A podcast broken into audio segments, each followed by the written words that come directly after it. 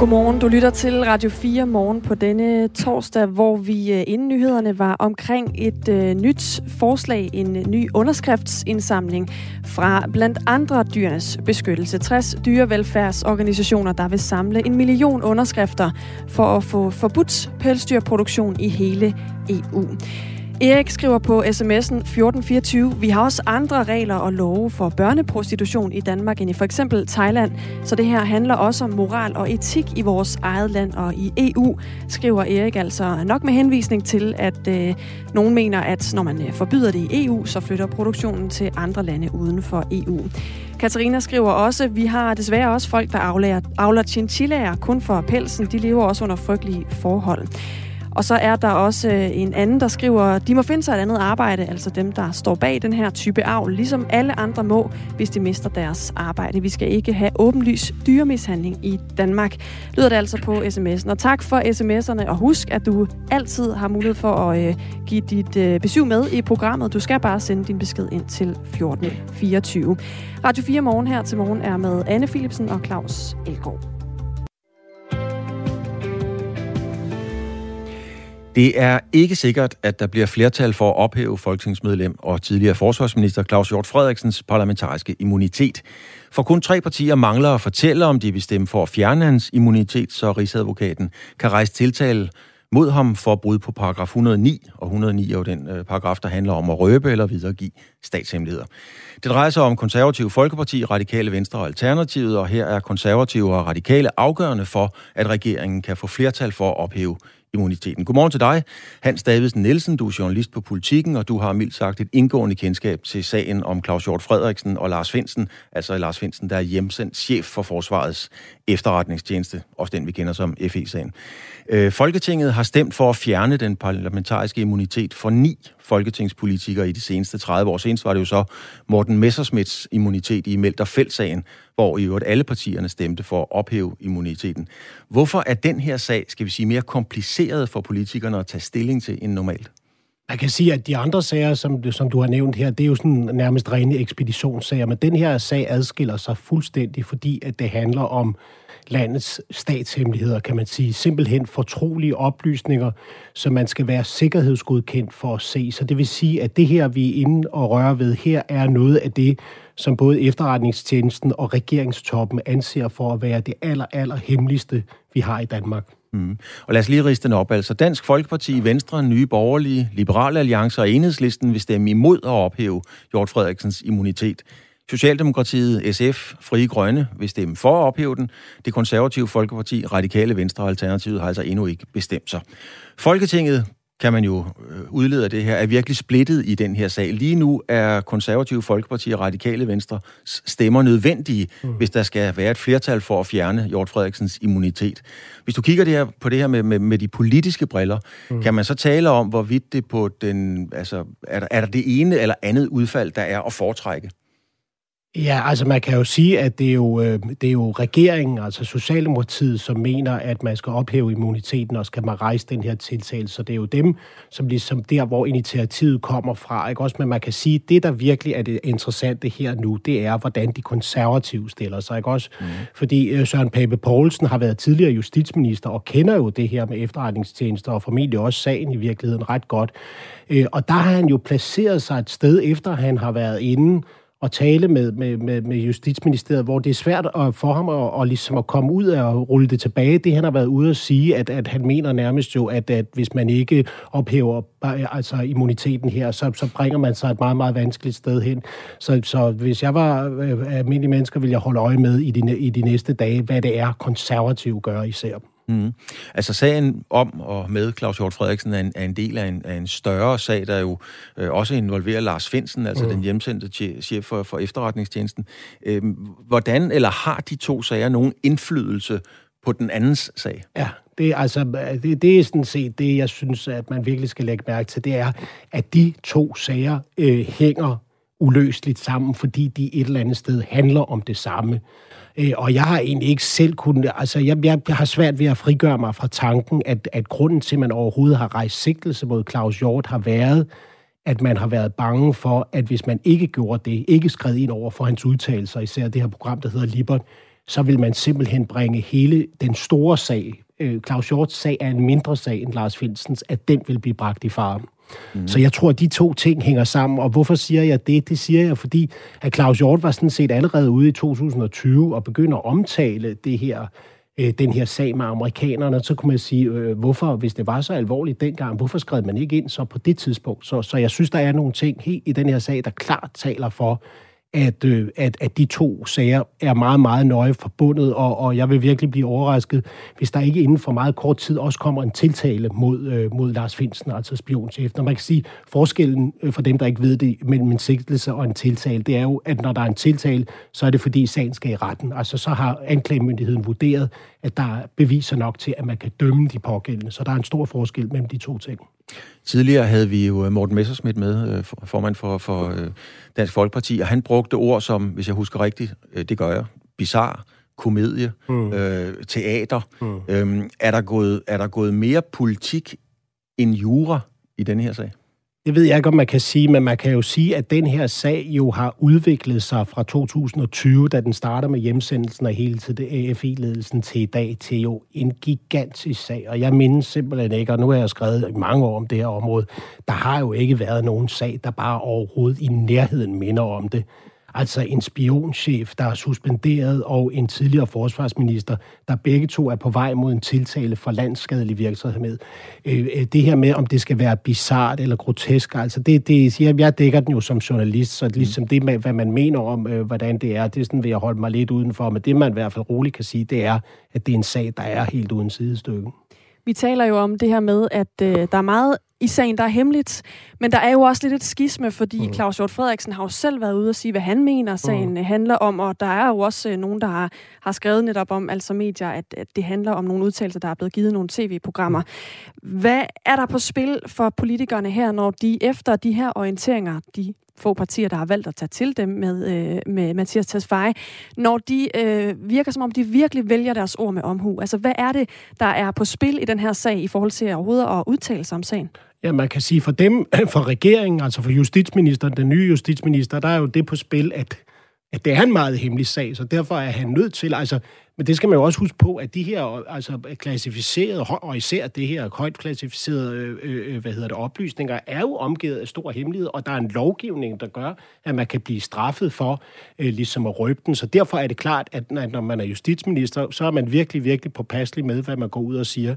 Men for de andre kan man sige, at, at, at der, der er, altså for, for Venstre, at det her er jo en, en, en, en kanon vanskelig sag, fordi Claus Hjort Frederiksen er jo deres næster i partiet. Han har spillet en kæmpe rolle i dansk politik i, i, i årtier, og var, var formentlig den aller, aller tætteste på Anders Fogh i alle de år, han var, var statsminister. Så, så derfor så kan man jo sige, at der er forskellige interesser på, det, på spil i den her sag, så derfor er de næste dage, og hvad, hvad det ender med, øh, øh, det er virkelig interessant. Jeg vil nu sige, at at hvis det ender med, at, at det bliver stemt ned, forslaget, for, altså forslaget om, om at ophæve den parlamentariske immunitet, øh, så, så har jeg, nogen har jeg spekuleret lidt på, om, om det i virkeligheden vil være noget, regeringen vil være, være meget ked af, når det kommer til stykket, fordi man kan sige, at så vil de kunne sige, at vi har gjort alt for at rejse tiltag mod Claus Hjort. Det har vi altså kun konstatere. Det kan vi ikke. Øh, og så kan sagen mod Lars Finsen køre videre. Fordi mm. det er klart, at for regeringen, der er det jo en kæmpe møjsag, det her. Det er, altså, det er ikke noget, jeg tror, det ved jeg. Øh, og, og derfor så er det klart, at det her med at skulle rejse en tiltale mod en tidligere forsvarsminister, det, det er bare meget, meget vanskeligt. Men hvad er det egentlig, vi taler om? Fordi at røbe statshemmeligheder og så videre, mm. i nogle lande, i gamle dage i hvert fald, kunne man jo blive skudt for den slags. Det bliver man mm. så ikke i Danmark. Nej. Er det en næse? Er det en fængselsstraf? Og så videre. Hvad er det egentlig, vi taler om? Altså, det er jo den her paragraf 109, som ikke har været brugt i 40 år, altså som senest blev brugt mod en, en Stasi-agent tilbage i starten af 80'erne, ikke også? Det er jo øh, med op til 12 års fængsel, så altså, det er jo klart, at hvis vi ender i retten, så, så er der jo ikke nogen, der forestiller sig, at Claus Hjort får 12 års fængsel, men, men altså, han kan blive dømt for det, og man kan, det er jo en alvorlig sag på den måde, at det, det er høje straframmer. Så, så, så det her med en næse, hvis den ender i retten, altså, så kan han blive frifundet. Mm. Det er jo det, han selv håber og tror på, men, øh, men, men det er ikke bare en næse, det er en meget alvorlig sag. Hans Davidsen Nielsen, øh, du får lige lov til at slutte på et øh, spørgsmål fra en af vores lyttere. Det er John fra Ringkøbing, der spørger, kan anklagerne ikke bare tiltale Claus Hjort igen efter et valg, hvor han ikke længere er i tinget? Jo, det kan de godt. Øh, men, øh, men altså, om det bliver tilfældet, eller hvad der sker herfra, men det kan man, det kan man sagtens forestille sig, at, øh, at den dag, at fordi Claus Hjort har jo faktisk tilkendegivet, at han ikke stiller op efter næste valg, og så er hans parlamentariske immunitet der ikke længere, og det vil sige, at man i princippet kunne vente til efter det næste valg, og så rejse tiltalen. Tak fordi du var med til at øh, svare på spørgsmålene her, Hans Davidsen Nielsen. Selv tak.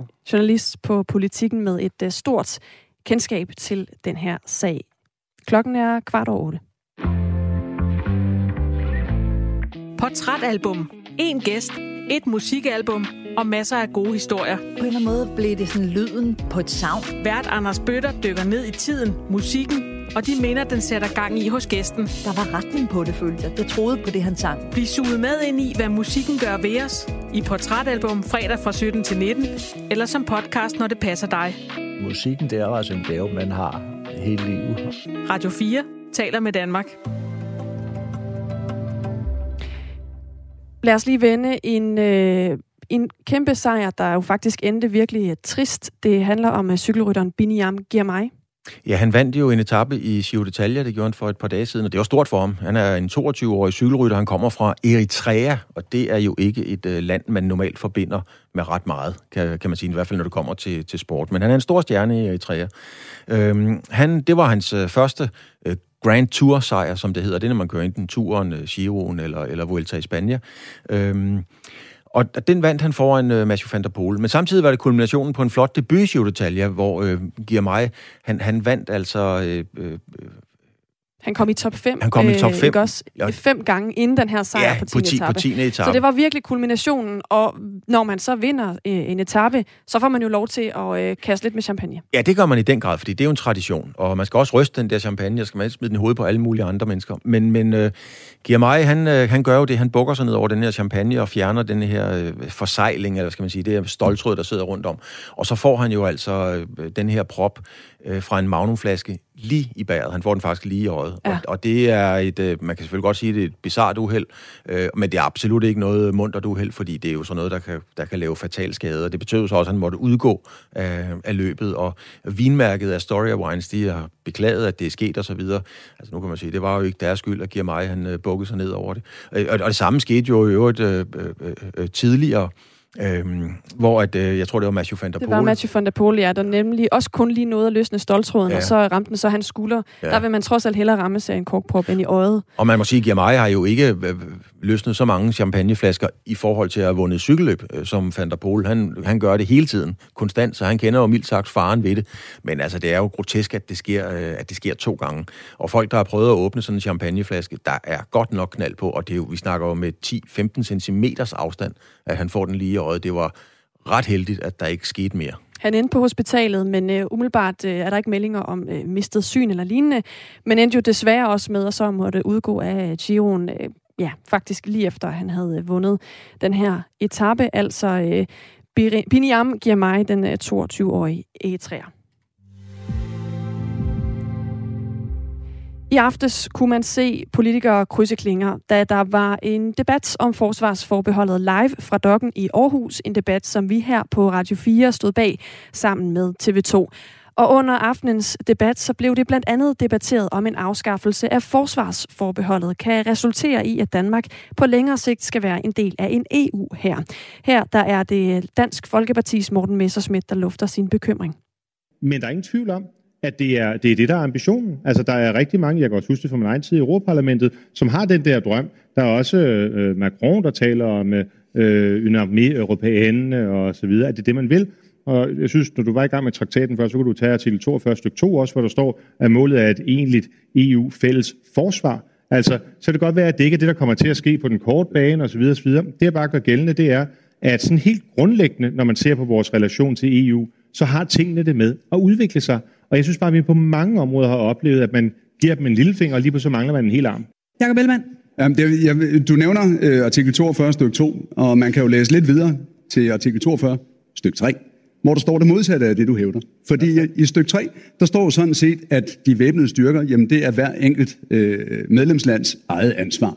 Det står der i stykke 3. Man skal altid læse, også det med småt. Ja. Øh, og, og, og så er jeg simpelthen nødt til at sige, at den her idé om, som nogen har. Og jeg er helt med på, at der er nogen, der ønsker et fælles europæisk forsvar. Ja, der er også nogen, der ønsker at melde os ud af NATO. Altså, der, der, der er folk, der mener vanvittige ting alle mulige steder. Jeg er ikke enig med dem. Dansk Folkeparti's Morten Messersmith, der er altså øh, her øh, diskuteret risikoen, øh, chancen, hvordan man nu ser på det for en EU her sammen med Venstres Jakob Ellemann Jensen. Og efter debatten understregede Jakob Ellemann Jensen over for vores reporter Amanda Holman, at han ikke tror på, at der vil blive skabt en EU her. Altså, der kommer ikke til at være en, øh, en EU her, ligesom der ikke er en, øh, en NATO her, og ligesom der ikke er en, en FN her. Når man deltager i operationer, jamen så sætter man en, en styrke sammen til lejligheden. Det gør vi i NATO, det har vi gjort i FN, øh, og det kommer vi også til at gøre i EU, hvis vi kommer med, eller så gør de andre det uden os. Og hvordan ved du, at der ikke potentielt på sigt vil være en, altså en vision i EU om at skabe en EU her? Jamen, jeg ved, at der er nogen, der har en vision om at skabe en, en decideret EU her. Det er der nogen, der ønsker. Der er også partier i Folketinget, der ønsker at melde Danmark ud af NATO. Det tror jeg heller ikke bliver til noget. Øh, og, og sådan er der politikere, der mener ting. Det er jo det, vi er sat i verden for. Øh, og, og fordi der er nogen, der mener noget, så behøver man ikke at være bange for det. Der er et par årsager til det. Det vil kræve en ny traktat. Det vil kræve en folkeafstemning. Og øh, ifølge Danmarks Riges Grundlov, jamen, så er det altså kun det danske folketing, der kan sende soldater ud. EU-herren, det er et af de argumenter, der har været op at vende en del gange efterhånden, når man øh, netop har hørt politikere debattere det her, og det er også noget af det, som øh, danskere har, har henvendt sig til med spørgsmål nogle gange, når der har været mulighed for det under debatterne. Altså, hvor står vi med den her mulighed for en øh, EU her, og ender vi i sådan en, hvis vi stemmer ja til at afskaffe forbeholdet? Et andet område, som ikke helt er så meget krudt og kugler, det er cybersikkerhed. Og øh, her var der også under debatten uenighed om, hvilke områder på forsvarsområdet Danmark kan være med i, og hvad vi ikke kan være med i med et forsvarsforbehold. Enhedslistens Maj Villersen gik i infight med forsvarsminister Morten Bødskov om netop det her område med cybersikkerhed. Det er rigtigt, at der er rigtig meget andet forsvar end bare krudt og kugler og krig. Det er rigtigt, at vi er under et kæmpe cyberpres, men der er altså også andre samarbejder. Vi er med i hovedparten af EU's cyberforsvar. Vi har et stort cybersamarbejde med NATO, og vi er enormt langt foran. Så langt, så Danmark jo faktisk inden krigen sendte øh, hjælp afsted, øh, sagde til Ukraine, at man ville sende hjælp afsted på netop cyberområdet. Så det er altså lidt igen et skræmmebillede af, at vi ikke kan noget som helst. Det kan vi sagtens. Beklager, jeg fejlciteret jeres øh, valgplakater. Det skal være så ja, kort, Morten, meget, meget jeg har lovet ordet til yes. Jakob. Det er forkert at efterlade et indtryk af, at Danmark godt kan være med i forsvarsområdet af cyberdelen. Det er lige nuagtigt det, vores forsvarsforbehold sikrer, at vi ikke kan være med. Alright. Vi kan være med i det civile. Tak. Så du, det er forkert, når du står og siger, og giver indtryk af det andet. Tak. Det er ikke rigtigt. Ja, der bliver kæmpet for at holde øh, ordet her øh, af, vært Gertrud Højlund, som var vært sammen med vores øh, Pernille Rudbæk fra Mandat på øh, debatten i går, hvor Morten Bødskov, forsvarsministeren, efterfølgende understregede, hvor han mener, at det er vigtigt, at Danmark kan være en del af EU's cyberforsvar. Inden for EU-samarbejdet, vores fælles europæiske samarbejde, der bliver der lavet såkaldte udrykningshold nu, som har sådan en forsvarsdimension. Det er det, Danmark ikke kan deltage i. Og det er uheldigt, fordi vi kan se, Udover de modbydeligheder, Putin står bag, ikke bare i Ukraine nu, som er jo altså forfærdelig, men jo også tidligere i andre lande, så benytter han sig også af destabilisering, intimidering, cyberangreb og andre former for det, man kalder hybrid krigsførsel, cyber og andet. Og det er vi nødt til at have et forsvar imod. Og der er virkelig bare den, i vores allernære områder, de baltiske lande, har de været udsat for det. Og Danmark vil ikke kunne deltage i et cyberforsvarssamarbejde. Det synes jeg ikke er godt. Så lød det altså fra forsvarsministeren efter debatten i går om forsvarsforbeholdet, som vi sendte her på Radio 4 og i samarbejde med TV2. Og skulle du have misset det, så er der heldigvis øh, god mulighed for at øh, få debatten og høre. Du kan finde debatten som lyd på vores øh, hjemmeside radio4.dk eller i vores app. Du skal bare søge på øh, forsvarsforbehold, så skulle den gerne dukke op. Og så kan du altså øh, i løbet af et par timer blive endnu skarpere på, hvor de politiske partier de står henne i den her debat, som jo i sidste ende handler om, hvor du og jeg skal sætte vores kryds den 1. juni. Den allerførste hestebadestrand på Fyn er lige nu på tegnbrættet, og det er den i Forborg Midtfyns Kommune. Det er forbudt at færdes med sin hest på de danske strande i de tre sommermåneder, det er juni, juli og august, men på en såkaldt hestebadestrand, der vil det være lovligt hele året rundt. Hestebadestranden skal efter planen passeres ved den lille kystby Bøjden, men det er ikke alle borgere i byen, som ser frem til at få sådan en hestebadestrand. Og en af dem, der ikke glæder sig, det er Anker Stær Jørgensen. Altså, vi har nogle, øh, nogle indvendinger, eller hvad skal man sige, nogle begrundelser for, at øh, vi må, måske mener, at det er uhensigtsmæssigt. Og en af dem er det trafikale. Og I vil vant til, at der kommer ret mange både gade badegæster, men også øh, folk, der ikke har havneplads. De kommer med deres bådtrælere og kører ned til havnen og får dem sat i vandet der. De vil ikke kunne passere hesttrælerne. Det er den ene ting. Den anden er, at alle de her trailer, de skal parkeres, og der er faktisk ikke parkeringsplads til dem. Men det er ikke kun de trafikale problemer, som Anker Stær Jørgensen forudser. Han mener, at stranden i Bøjden er alt for lille til at have heste gående i de måneder, hvor der er størst aktivitet. Og så passer hesteejerne ikke godt nok på stranden, mener han. At den, det, der hedder øjden, altså den der krumøjet, som, om man så må sige, beskytter den indre, den lille havn, der ligger ved Bøjden, den er meget smal og sårbar. Og folk rider på den. Det er ikke meningen, at de skal gøre det. Og sagen er, at lige præcis, at det er plads, der mangler. Der er ikke plads her. Der må være andre steder, hvor der er større strande. Og Hestebadestranden i Bøjden er den første af sin slags på Fyn, og derfor havde Søren Christensen også håbet på en bedre modtagelse. Søren Christensen er formand for Teknik- og Miljøudvalget i Forborg Midtfyns Kommune, og det er han for Venstre. Men selvom forslaget bliver mødt med modstand, så håber Søren Christensen på, at forslaget kan blive ført ud i livet. Jamen, det gør øh, selvfølgelig indtryk. Øh, det gør det altid, når at, øh, at vi får bekymrede input for, for vores borgere, uanset hvad sammenhæng det er. Det er vurderet til at, at være velegnet til, til en hestebagestrand af vores forvaltning. Det er jo ikke tilfældigt, at de bare lige har åbnet et kort og, og sat en prik. Det er, det er, hvad her, det, det, er kommunal øh, jord, der er nede til. Vi laver en øh, parkeringsplads øh, dernede, Øh, så jeg kender ikke lige vejen derned til, men at den må også være vurderet til, at man, man trods alt godt kan, kan møde hinanden øh, på vej derned. Så er der også nogle andre, ja, vi hører jo også nu, der er nogle andre forhold, som, øh, som øh, de bekymrede borgere, de kommer med, og jeg ved, at øh, forvaltningen er nu øh, i øh, tættere dialog med, med en del af de borgere og høre på de indsigelser, de har, og så øh, prøver vi, når vi nu skal til at indrette øh, hestebagestranden konkret, og så øh, og som ikke vi kan imødekomme nogle af de ting, som, at de, øh, som de påpeger. Hestebadestranden i Bøjden skal til at starte med at være et treårigt testprojekt, og derfor håber Søren Christensen fra Teknik- og Miljøudvalget i kommunen, formand for det, og han er fra Venstre, han håber, at Hestebadestranden kan etableres, så man kan evaluere den efterfølgende. Selv er han ikke meget for at bade på en hestebadestrand, men han er dog, ligesom borgerne i Bøjden bør være det, klar til at prøve det af, siger han jeg, jeg, jeg, jeg, jeg, jeg, jeg, jamen, så lad mig prøve at komme ned til, til, til, til hestebagestranden, og så, og så bag ved siden af det, at det skulle ikke, det skulle ikke afskrække mig, så kunne jeg jo tage bestik af situationen, når, øh, øh hvordan det kommer til at fungere i praksis. Øh, nu er der heller ikke hver dag, at der formentlig vil være øh, hestebager øh, dernede. Det er jo ikke... Det, det, det, det, der er dog alligevel ikke fantasi til. Netop når det handler om sommermånederne, så er det badegæsterne, man skal tage hensyn til. Og ifølge Anker Stær Jørgensen, der altså bor i byen, så kaster hestene i badevandet også et andet problem af sig. Og noget andet er, at det er et indre farvand. Og så vidt jeg har hørt, så skider hestene, når de kommer i vandet. Og det vil sige, både børn og voksne, de skal svømme rundt mellem hestepærer. Og det går altså også igen på sms'en øh, 1424. Sten skriver, hvad laver hestene overhovedet uden for marker og ridebaner? Har i mange år været irriteret og provokeret af heste på cykelbaner, som er ret så farligt.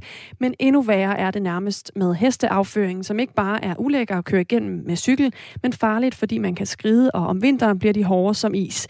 Hvis heste absolut skal ud i det offentlige rum, bør det være et krav, at der monteres en møgtaske bag på hesten og eller rytteren konstant står af og skovler op, skriver Sten. Anderledes lyder det fra Inger. Ved stranden i Kærteminde må hunde ikke gå i vandet om sommeren af hensyn til mennesker. Og hvorfra ved man, at heste ikke tisser i vandet? Mennesker får tissetranger, de går i vandet på grund af nedkølingen.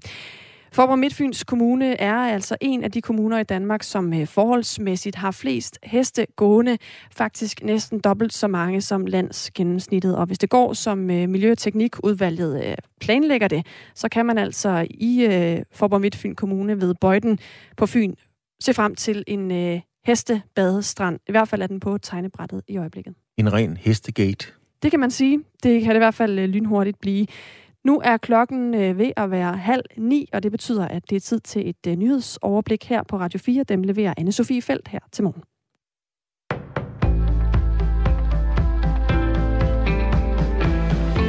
Snart kan kommuner og vandselskaber søge om penge fra en drikkevandsfond på 170 millioner kroner.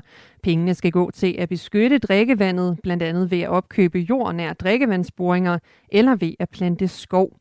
Men flere eksperter udtaler til Avisen Danmark, at der er for få penge til at løse problemerne med fund af skadelige stoffer i drikkevand. Lektor emeritus i hydrogeologi på Aarhus Universitet og ekspert i grundvand, Sten Christensen, siger til Avisen Danmark, at der er alt for få penge i fonden. Og Hans Jørgen Albrechtsen, der er professor på DTU Miljø og også ekspert i drikkevand, er enig i den vurdering. Miljøminister Lea Wermelin siger til Avisen Danmark, at hun er glad for, at der for første gang nogensinde er afsat penge på finansloven til drikkevandsbeskyttelse. Amnesty International har skrevet et åbent brev til præsidenten for FIFA, Gianno Infantino. I brevet der opfordrer de FIFA og Katar til at betale erstatning til migrantarbejdere og deres familier, både for ubetalte lønninger, arbejdsskader og i værste fald for dødsfald.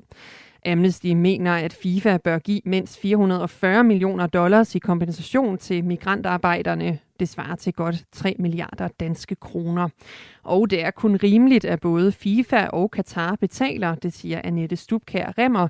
Hun er politisk rådgiver i Amnesty International. FIFA er direkte forpligtet til at sørge for, at når de laver noget forretning, altså øh, sætter sådan et stort VM op her i alle lande, nu er det så lige Katar, så har de ansvar for, at der ikke sker menneskerettighedskrænkelser i forbindelse med forberedelserne og også afholdelserne af sådan et VM. Katar er vært for VM i fodbold sidst på året.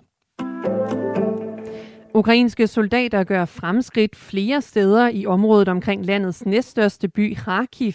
Det oplyser den ukrainske militære generalstab. Oplysningerne de er ikke bekræftet fra uafhængig side. I en fremrykning nord for byen, der har ukrainske soldater befriet landsbyen Dementiva, der ligger nær grænsen til Rusland. På trods af voldsomme kampe i Lugansk-regionen, så har Rusland heller ikke formået at vinde meget terræn her. Det oplyser Ukraines militær. Vi kommer nok til at se flere højspændingsledninger på tværs af markerne. De er nemlig nødvendige, hvis der skal sendes langt mere strøm fra havvindmøller i Nordsøen hen til de danske husstande. Det siger Jakob Østergaard, der er professor hos Institut for Vind- og Energisystemer hos Danmarks Tekniske Universitet, DTU. Regeringslederne fra Danmark, Tyskland, Holland og Belgien underskrev i går en aftale om markant at øge produktionen af energi fra havvindmøller i Nordsøen. Og hvis vi skal op i den skala, så skal kapaciteten i elnettet også være større, siger Jakob Østergaard. Vi skal selvfølgelig også have bragt energien videre øh, ud til den sidste vildervej, ud til øh, elbilerne og, og varmepumperne. Og det stiller et krav om, at vi øh, også øh, øger kapaciteten af vores øh, elnet på land, øh, så vi kan nyttegøre den, al den øh, grønne energi, der kommer fra sol og vind. Regeringsledernes mål er at tidoble kapaciteten for havvind i Nordsøen til 150 gigawatt frem mod 2050. Det vil kunne forsyne op til 230 millioner europæiske husstande med grøn strøm. Først på dagen mest tørt med lidt sløret sol, men efterhånden så bliver det mere skyet med spredte regn og tordenbyer. Temperatur op mellem 18 og 25 grader og en svag til jævn vind. Det er nyhederne her på Radio 4 i studiet Anne Sofie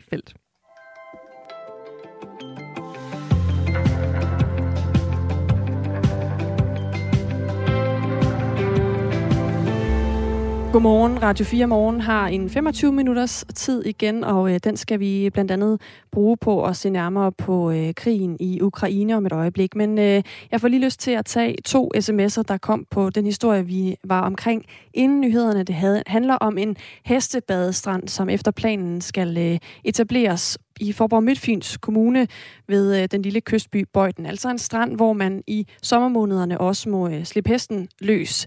Det er noget, der deler vandene på sms'en. Tina skriver, Godmorgen, naturen tilhører ingen, og heste skider ikke i vandet. Børn pisser til gengæld lystigt i det. Ja, nu bliver det lidt latrinært sproget her, men det er også noget af det, som er bekymringen fra blandt andre øh, Anker Stær Jørgensen, som er en af de borgere, der bor i nærheden, og som øh, ud over, at han ser nogle udfordringer med sådan logistikken, så er han også bekymret for, at det her det bliver uhygiejnisk.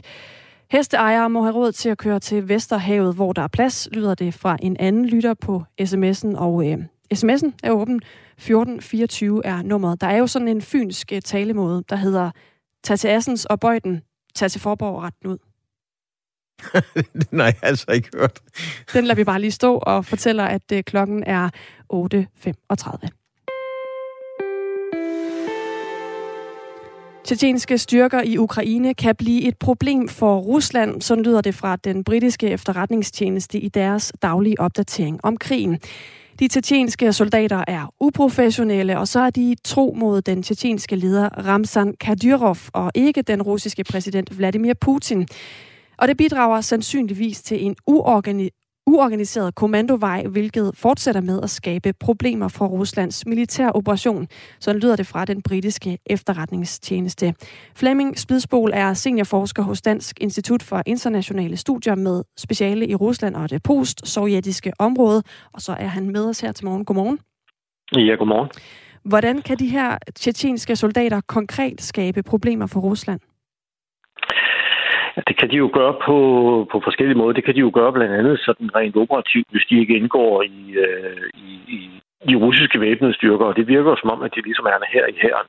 Altså, de fungerer lidt separat. De tager deres egne opgaver, de gennemfører dem separat. Øh, øh, de har deres egen kommandoveje, og, og, og på den måde er de måske ikke en integreret del sådan, øh, af det russiske forsvar, altså det vi sådan vil kalde samtænkning.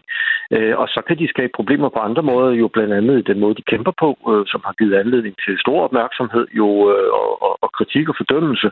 Altså meget voldsomt, for eksempel. Det kan være øh, soldater fra Tjetjenien, som er øh, dårligt øh, uddannet, dårligt trænet. De har ikke fået instrukser om, hvordan man skal agere i, øh, i de her situationer. Og, og så bliver det voldsomt og, øh, og noget, som går imod krigens love, og det påkalder sig selvfølgelig opmærksomhed.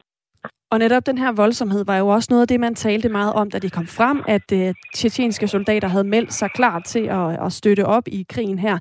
Er det overraskende, at det nu ender med at blive en ulempe for Rusland? Nej, det er det jo ikke. Altså, vi også, øh, må også sige, at på nogle måder har det jo været en fordel øh, for russerne. Det er jo også derfor, vi kan se, at øh, de tjetjenske tropper bliver fremhævet særskilt i de russiske medier, og øh, tjetjeniens præsident, øh, Ramzan Kadyrov, øh, får masser af taletid i de russiske medier. Selv her til morgen så jeg flere historier med ham. Og der skal vi huske på, at Tjetjenien er jo, er jo en del af Rusland, øh, men, men er det, vi kalder en, en autonom republik, og det vil sige, at de har en, en form for selvstyre, hvor de kan gennemføre deres egen lovgivning. Øh, men de har jo kæmpet øh, i Ukraine, de har tiltrukket opmærksomhed, de har været med til ligesom at måske også at sætte lidt dynamik under det russiske forsvar. Jeg ser en intern konflikt i, i det russiske forsvar her, hvor Ruslands præsident Putin, jo, som er øverst kommanderende, på en måde har sagt til forsvaret, prøv at høre, hvis ikke I kan løse opgaven, så kan de tjenerne komme ind og gøre det for jer. Øh, og, øh, og der tror jeg, at vi skal også være opmærksom på, at der sandsynligvis er nogle gnidninger internt øh, i det russiske forsvar, i det russiske militærsystem. I forhold til udfordringen med, hvis de tjetjenske soldater går imod krigens love, når de netop er øh, en selvstændig republik, selvom de er en del af Rusland, er det så egentlig noget problem for Rusland, hvis de på en eller anden måde kan sige, det er ikke os, det er de tjetjenske soldater, der har gjort de her ting? Ja, det vil stadigvæk være et problem, og der skal vi så huske på, at, øh, at de russiske tropper, altså udsendt sådan fra det russiske forsvarsministerium, de har jo også gået mod krigens lov. Der har vi jo masser af, af vidensbyrd øh, på forskellige former for forbrydelser, der er sket. Øh, og der kan man måske sige, at tjetjenerne, det virker som om, de lige har lagt 10 procent oveni, øh, og jo i hvert fald øh, også øh, åbent øh, taler om, at de har gjort det, og de havde tænkt sig at gøre det.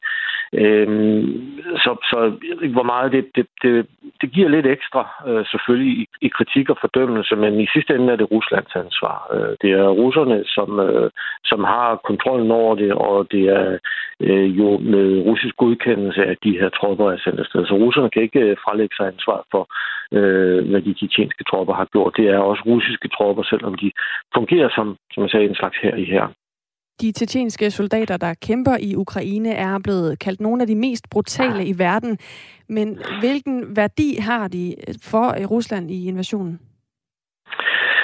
De har en, en værdi på den måde, at de ligesom kan være med til at mobilisere. Nu nævnte jeg tidligere, at præsidenten dernede, Kadyrov, jo får meget taletid i russiske medier, og blandt andet i går var der en stor preskonference med ham, hvor han, hvor han siger, at den russiske stat behøver ikke at, øh, ligesom at beordre en mobilisering. Det er den russiske borger, som selv skal mobilisere. Man skal mobilisere for at forsvare sin stat og for at forsvare sin præsident og bakke op om præsidenten, altså Putin. Øh, så på den måde har, øh, har det russiske politiske system og de russiske medier kunnet bruge tjetjenerne. Ligesom at sige på, at der er nogen internt i Rusland, som kæmper for Rusland. De kæmper øh, for det, vi står for, og, og, og på den måde så er det et eksempel for alle os andre. Øh, og så har de jo påtaget sig nogle af de øh, hårde kampe, øh, blandt andet jo i Mariupol, hvor der har været meget øh, intense kampe mellem øh, russiske skråstrej tjetjenske tropper og så ukrainske tropper. Og der ved vi, at tjetjenerne har været til stede, og de har kæmpet hårdt, og de har så også kæmpet øh, meget voldsomt. og De har kæmpet øh, på den forkerte side af krigens love, men, øh, men det har man kunnet bruge internt i Rusland til ligesom at, at sige, at her der er nogen, øh, som er villige til at kæmpe. Der er nogen, der går forrest, og der er nogen, der tager det her, løfter det her tunge ansvar, som er i øh, Ukraine. Noget af det, der lyder fra den britiske efterretningstjeneste, det er jo, at øh, de tjetjenske soldater er tro mod den tjetjenske leder Ramzan Kadyrov, og ikke imod øh, præsident Vladimir Putin. Hvordan kommer det til udtryk? Ja, jeg ved heller ikke, om, om jeg vil være helt enig. Altså, det er jo muligt, at øh, sandsynligvis har den britiske efterretningstjeneste jo indsigt i nogle ting, som jeg ikke har. Men, øh, men det virker jo som om, at de er lojale også over for Putin. Men derfor kan deres loyalitet godt øh, ligge sådan først og fremmest hos øh, præsident Kadyrov og hos Tietjenien. Og det er jo en bemærkelsesværdig udvikling også. Det skal man huske på, at, øh, at den russiske stat har været i krig øh, i Tjetjenien to gange. Først i 90'erne og så i 0'erne. Og, øh, og det har været meget, meget voldsomme krige. Altså det har jo så været interne krige, borgerkrig øh, hvor den russiske centralmagt har forsøgt at nedkæmpe, og held til at nedkæmpe tjetjenske separatister. Og der er det jo en lidt speciel situation, at der nu er udv- øh, har udviklet sig en, en, en så stærk militær styrke igen i Tjetjenien. Og nogle af lytterne husker det måske, da krigen startede, hvor man nede i Grozny i hovedstaden i Tjetjenien så de her tjetjenske tropper stå foran Kadyrov. Øh, der var en anslået 11-12.000. Øh, og, øh, og på den måde er det, er det bemærkelsesværdigt at komme den her øh, tjetjenske militære styrke, som måske først og fremmest til Sydlandet har loyalitet over for deres egen præsident Kadyrov, og så først derefter i anden række over for Ruslands præsident, over for, over for selve den russiske stat. Det fortalte Flemming Splidsbol. Tak fordi du var med her. Selv tak.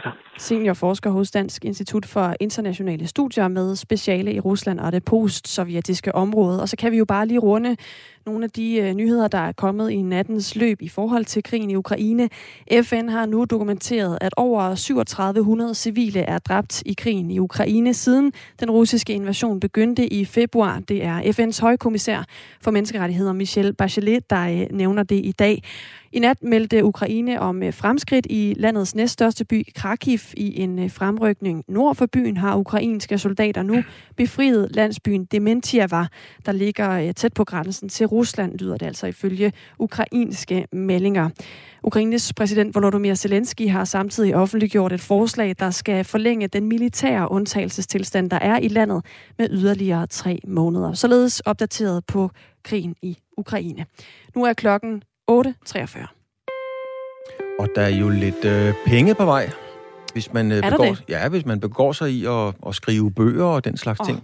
Fordi øh, 10.338 forfattere, oversættere, illustratorer og andre får i dag udbetalt i alt mere end 185 millioner kroner i bibliotekspenge. Hmm. Det skriver Slots- og Kulturstyrelsen i en presmeddelelse. Og man kan sige, at topscoren er som sædvanligt Bjarne Reuter. Ja. Han skal modtage en lille million, ah, en meget lille million, 708.000 kroner helt præcist. Og så kommer Josefine Ottesen, Dennis Jørgensen og så Kim Fubs Åkesson. Og det er jo øh, navne, som, øh, som vi øh, rigtig godt kender, ikke også? Der er også mange bøger fra mange af deres hænder, ikke? Det må Så der man må sige, være altså. mange forskellige bøger, der kan blive lånt. Der er blevet skrevet en del. Samlet får modtagerne i gennemsnit udbetalt 17.943 kroner i bibliotekspenge, og det højeste beløb udbetalt er altså på 708.149 kroner. Modtagerne af bibliotekspenge er sådan i aldersgrænsen eller aldersspændet fra 19, hold godt fast, til 104 år. Hvad siger du? Ja, der står 104 år Nå, i presmeddelelsen. op. Og gennemsnitsalderen er i øvrigt 62 år. Ud af de 10.338 forfattere, der får bibliotekspenge for bøger i 2022, får 5.575 personer midler udbetalt for e-bøger og netlydbøger. Jeg får at vide i min øresnegl, det er Lise Nørgaard. Det er der Lise er Nørgaard. 104 år, det kunne vi jo have næsten regnet med. Ja, det er lidt, øh, det må vi med skam. Ja. Den, den må vi bare æde, den, Den, den der. skulle være kommet øh, lige Ja. sådan der, ikke? Nå. Jo. Tillykke til alle dem, der øh, kan se frem til en lille, øh, lille ting på bankbogen mm. i dag. Således opdateret, hvor klokken nu er kvart i ni. Så til en helt anden del af verden. Øh, det handler om fodbold. Med et nederlag til Fremad Amager stod det i går klart, at Esbjerg FB i den næstbedste sæson, eller i næste sæson skal spille i landets tredje bedste række. De rykker så ud af første division. Den vestjyske fodboldklub blev ellers i 2019 nummer tre i den bedste række, altså i Superligaen. Så kom der nedrykning, der kom nye udenlandske ejere, adskillige trænere, og nu så endnu en nedrykning. Ole Brun er journalist på Jyske Vestkysten og har dækket Esbjerg FB i rigtig mange år og har stor indsigt i klubben. Det er en traditionsrig klub, der nu rykker ned, vurderer Ole Brun. Det må være en af de helt, helt store nedsmeltninger i dansk fodbold. Som du selv siger, så, så vandt de bronze i, i, i 19, og de vandt pokalen i 13. De har fem danske mesterskaber, og så er der jo mange, der mener, at de har det bedste stadion i Danmark. Men det kan du jo bare ikke købe noget for. Altså, det, det er jo her nu, det gælder. Så alt det med traditioner og, og, og fine taler og, og alt det der med, at det kan ikke lade sig gøre, og vi er for gode til at rykke ned, og vi er for store til at rykke ned. Der er ikke nogen, der er for store til at rykke ned, hvis ikke de får point nok. Og, og, og derfor så, øh, så ligger IFB, som, som, øh, som IFB har ret i øjeblikket, det er, det er en fortjent nedrykning på alle måder, fordi øh, klubben er blevet drevet helt forfærdeligt redselsfuldt i den her sæson. Og selvom øh, Esbjerg FB's nedrykning er en massiv historie, sådan fodboldhistorisk i Danmark, så er Ole Brun ikke overrasket over nedrykningen i den her sæson. Altså, som sæsonen er skrevet frem, så er det ikke sådan det helt store chok, synes jeg ikke, fordi der har været så mange ting, der er gået galt, der har været så meget rod, og så har der været en del træner, og der har ikke, slet ikke været den kontinuitet, man skal bruge i en fodboldklub. Så, så jeg synes, man kunne, øh, jeg synes, man kunne se billedet tegne sig sådan ret tidligt. Jeg har lige siddet og bladet lidt igennem det, jeg har skrevet i løbet af den her sæson, og jeg kan, jeg kan se, at det allerede i oktober skrev noget i retten, jeg kunne tåbe og frygte ikke nedrykning. Og så på allerede, allerede på det tidspunkt, så, så synes jeg, det tegnede noget dyster, og de har jo ligget i bunden faktisk hele sæsonen, så, så det skal ikke komme som noget kæmpe chok. Det er en traditionsklub, for Esbjerg er faktisk blevet danske mestre i fodbold fem gange, og senest var det i 1979, og så har de vundet pokalturneringen tre gange, og det var senest i 2013. Så har de også et meget stort og flot stadion. Det er landets fjerde største. Det hedder Blue Water Arena, og der er plads til 17.000 tilskuere. I februar 21, der fik klubben så nye ejere, og det var sådan en amerikansk-kinesisk konstellation, eller en vesterkreds, der gik ind i klubben, og de ejede allerede øh, ret store og veletablerede klubber i, i øh, Belgien, i Frankrig og i England. Steffen Christensen er tidligere formand i den nu nedlagte Esbjerg Fanklub, den hed i sin tid Blue Knights, og han er skuffet.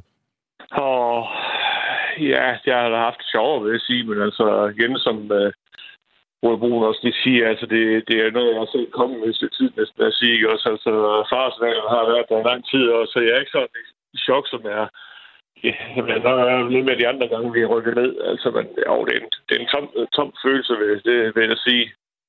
Men selvom han er skuffet, så vil han stadigvæk bakke op om Esbjerg, når de skal spille i anden division selvfølgelig. Det, nu, nu tror jeg nok, jeg går sommerferie. Det er lidt, lidt at lære at gå sommerferie, så, så når det starter op igen, så, så glæder jeg mig til at komme ud til fodbold igen. Men uh, altså, det er også, fordi vi har, har kæmpe socialt netværk derude, og mange gode venner, så men jeg, jeg er fuldt Esbjerg i 20 plus år, så det stopper jeg ikke med fra en dag til den anden. Det gør jeg ikke. Der vil helt sikkert være mange, der følger, men det har været meget dramatisk, både på de bonede gulve i Esbjerg, det har været dramatisk på banen, og det har været dramatisk i fans-afsnittene. Der har været dramatik hele vejen rundt øh, på Blue Water Arena, og det endte altså med en nedrykning til den tredje bedste række. I debatten om forsvarsforbeholdet handler det tit om soldater, missioner og så den her fælles EU her, som også bliver fremhævet igen og igen. Men der er også andre områder, som forsvarsforbeholdet handler om.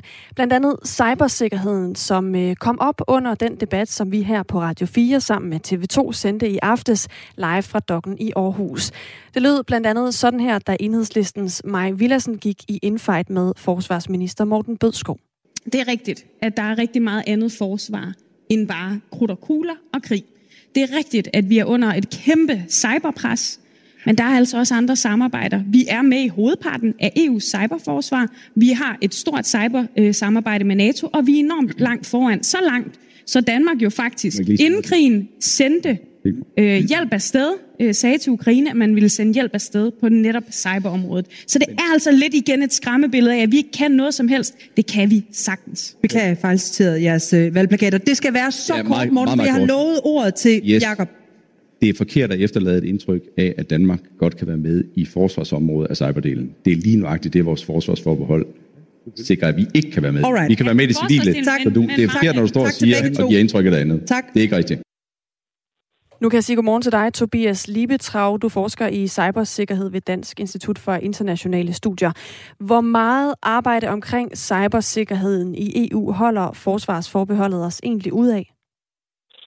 Altså, jeg vil vurdere, at det er en relativt lille del i øjeblikket, for langt det meste foregår ikke i forsvarssøjlen, men for eksempel under det indre marked. Og hvad vil det sige, når det foregår under det indre marked? Så vil det jo netop sige, at det, at det er civilt. Altså, at det ikke er noget, som, øh, som det sådan er militært, øh, men- som, som er et civilt samarbejde, som blandt andet øh, går på at styrke den kritiske infrastrukturbeskyttelse. Man har lige fået vedtaget et nyt direktiv i EU, som hæver bundniveauet for øh, beskyttelse af kritisk infrastruktur mod cyberangreb. Man forsøger at lave standarder for øh, cybersikkerhed og IT-produkter. Øh, så en, en lang række områder på, på det civile område øh, inden for erhvervsindustri, innovationspolitik, som går på at styrke cybersikkerheden bredt set. Og det kan man jo godt kalde cyberforsvar, det er det, men det ligger bare ikke under det, vi traditionelt har kaldt forsvars- og sikkerhedspolitik. Hvordan kan det egentlig være, at man har delt det op på den måde, så, øh, så der faktisk er meget, der ligger i den mere sådan civile ende? Jamen, øh, det skyldes nok flere ting. Øh, En primær grund er, at EU jo ikke har haft ret meget mandat på forsvars- og sikkerhedspolitikområdet. Altså, det, det er primært nationalstaterne, som styrer det. Så hvis EU har skulle lave noget på cyber, så har det skulle være under det her markedsmandat, og det har skulle være pakket ind i, at det også skulle handle om at, at styrke øh, den økonomiske vækst og øh, udviklingen af nye teknologier og de europæiske industrier. På den anden side, så er staterne fortsat relativt protektionistiske, kan man sige, i forhold til cybersikkerhedsspørgsmålet, fordi meget af det nationalt ligger i efterretningstjenesterne, og det er jo noget, hvor man normalt ikke er så glad for at dele oplysninger, øh, og, og helst øh, vil vi beholde dem øh, hos sig selv. Så det gælder sådan set både på EU og, og på NATO-niveau, der er det svært at dele oplysninger, øh, når det kommer til sådan, det, vi traditionelt tænker som cyberforsvar. Den del af cybersikkerhedsområdet, som så ligger under forsvarsforbeholdet, er det noget, som Danmark kunne få glæde af at være med i? Det kunne vi givetvis godt. Øh, igen, jeg, jeg vil sige, lige nu tror jeg, det er minimalt, hvad Danmark taber ved at stå udenfor, men, men vi kunne da sikkert godt få glæde af det. Blandt andet i det klip, I spillede, var der jo snak om, at vi også godt ville sende cyberforsvar øh, til Ukraine, øh, og det gjorde man også under det her øh, EU-mandat på, på forsvarsområdet, så der kunne vi jo have gjort det sammen med dem. Øh, derudover, så hvis man kigger lidt fremad, så er det helt, sikkert et område, hvor EU har planer om at styrke øh, samarbejdet, og hvor man må forvente, at der kommer til at ske noget mere, når man kigger på EU's øh, strategier, blandt andet et strategisk kompas, de netop har udgivet om forsvars- og sikkerhedspolitik, hvor cyber også fylder meget. Så, så på sigt øh, vil vi sikkert kunne risikere at komme til at stå uden for, for noget samarbejde, som har en større indflydelse, end det har i dag. Efter øh, debatten i går aftes, der understregede forsvarsminister Morten Bødskov, hvor han mener, at det er vigtigt, at Danmark kan være en del af EU's cyberforsvar. Vi skal lige høre et øh, klip med ham her. Inden for EU-samarbejdet, vores fælles europæiske samarbejde, der bliver der lavet såkaldte udrykningshold nu, som har sådan en forsvarsdimension.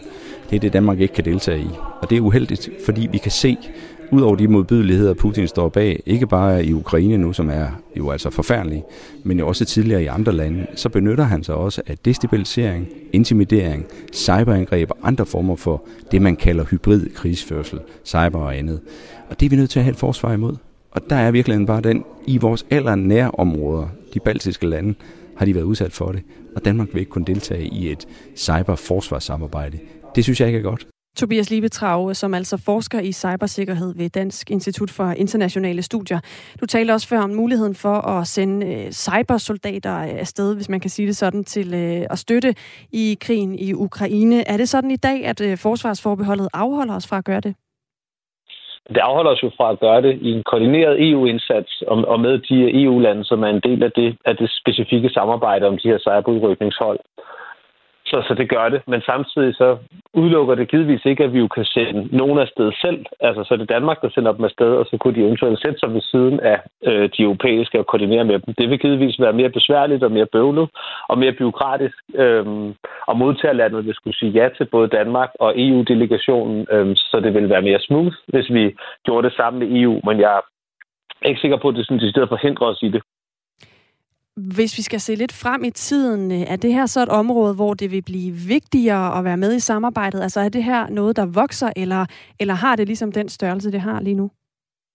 At det er helt klart et område, der er i vækst. Altså det, gælder både når man ser på, hvad EU siger i forhold til deres ambitioner på cybersikkerhedsområdet, men også fordi vi ser den digitale udvikling, vi gør, som, som på mange måder også har et cybersikkerhedsaspekt indbygget, så når Europa også snakker om teknologisk suverænitet og digital suverænitet som, som noget af det, kommissionen øh, virkelig øh, satser på, så ligger der også et cyberelement i det, så, så på sigt vil vi givetvis komme til at kunne stå uden for øh, mere samarbejde, end vi gør i dag, fordi det her er et område vækst. Men vil vi stadigvæk så kunne øh, gøre det på egen hånd, hvis vi, hvis vi har lyst, eller hvis politikerne har lyst?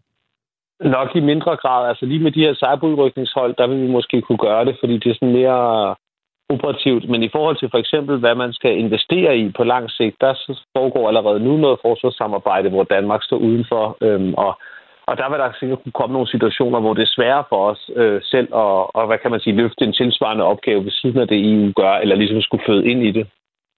I den politiske debat, og i det hele taget, når vi taler om det her, så taler vi jo om cyberforsvar og cybersikkerhed. Du forsker i det, så du må være den rette at spørge om, hvis vi skal komme med nogle konkrete eksempler på, hvad det her egentlig konkret kan være. Altså, hvordan kan man opleve øh, eller dyrke et cyberforsvar? Hvordan kan man have et cyberforsvar? Hvad er det for nogle opgaver, sådan et kan løse? Jamen, det spænder jo meget bredt, og det er jo den her diskussion også et, et symbol på, fordi det spænder over det militære og det civile. Altså på den ene side, så har man jo nogen siddende i forsvaret, som beskytter de militære IT-systemer. Man har nogen siddende i forsvarets efterretningstjeneste, som hacker sig ind hos fjenden og sidder og prøver at finde ud af, hvad er det for nogle cyberangreb, der er på vej, hvad er det for nogle, der pågår, hvordan kan vi bremse det.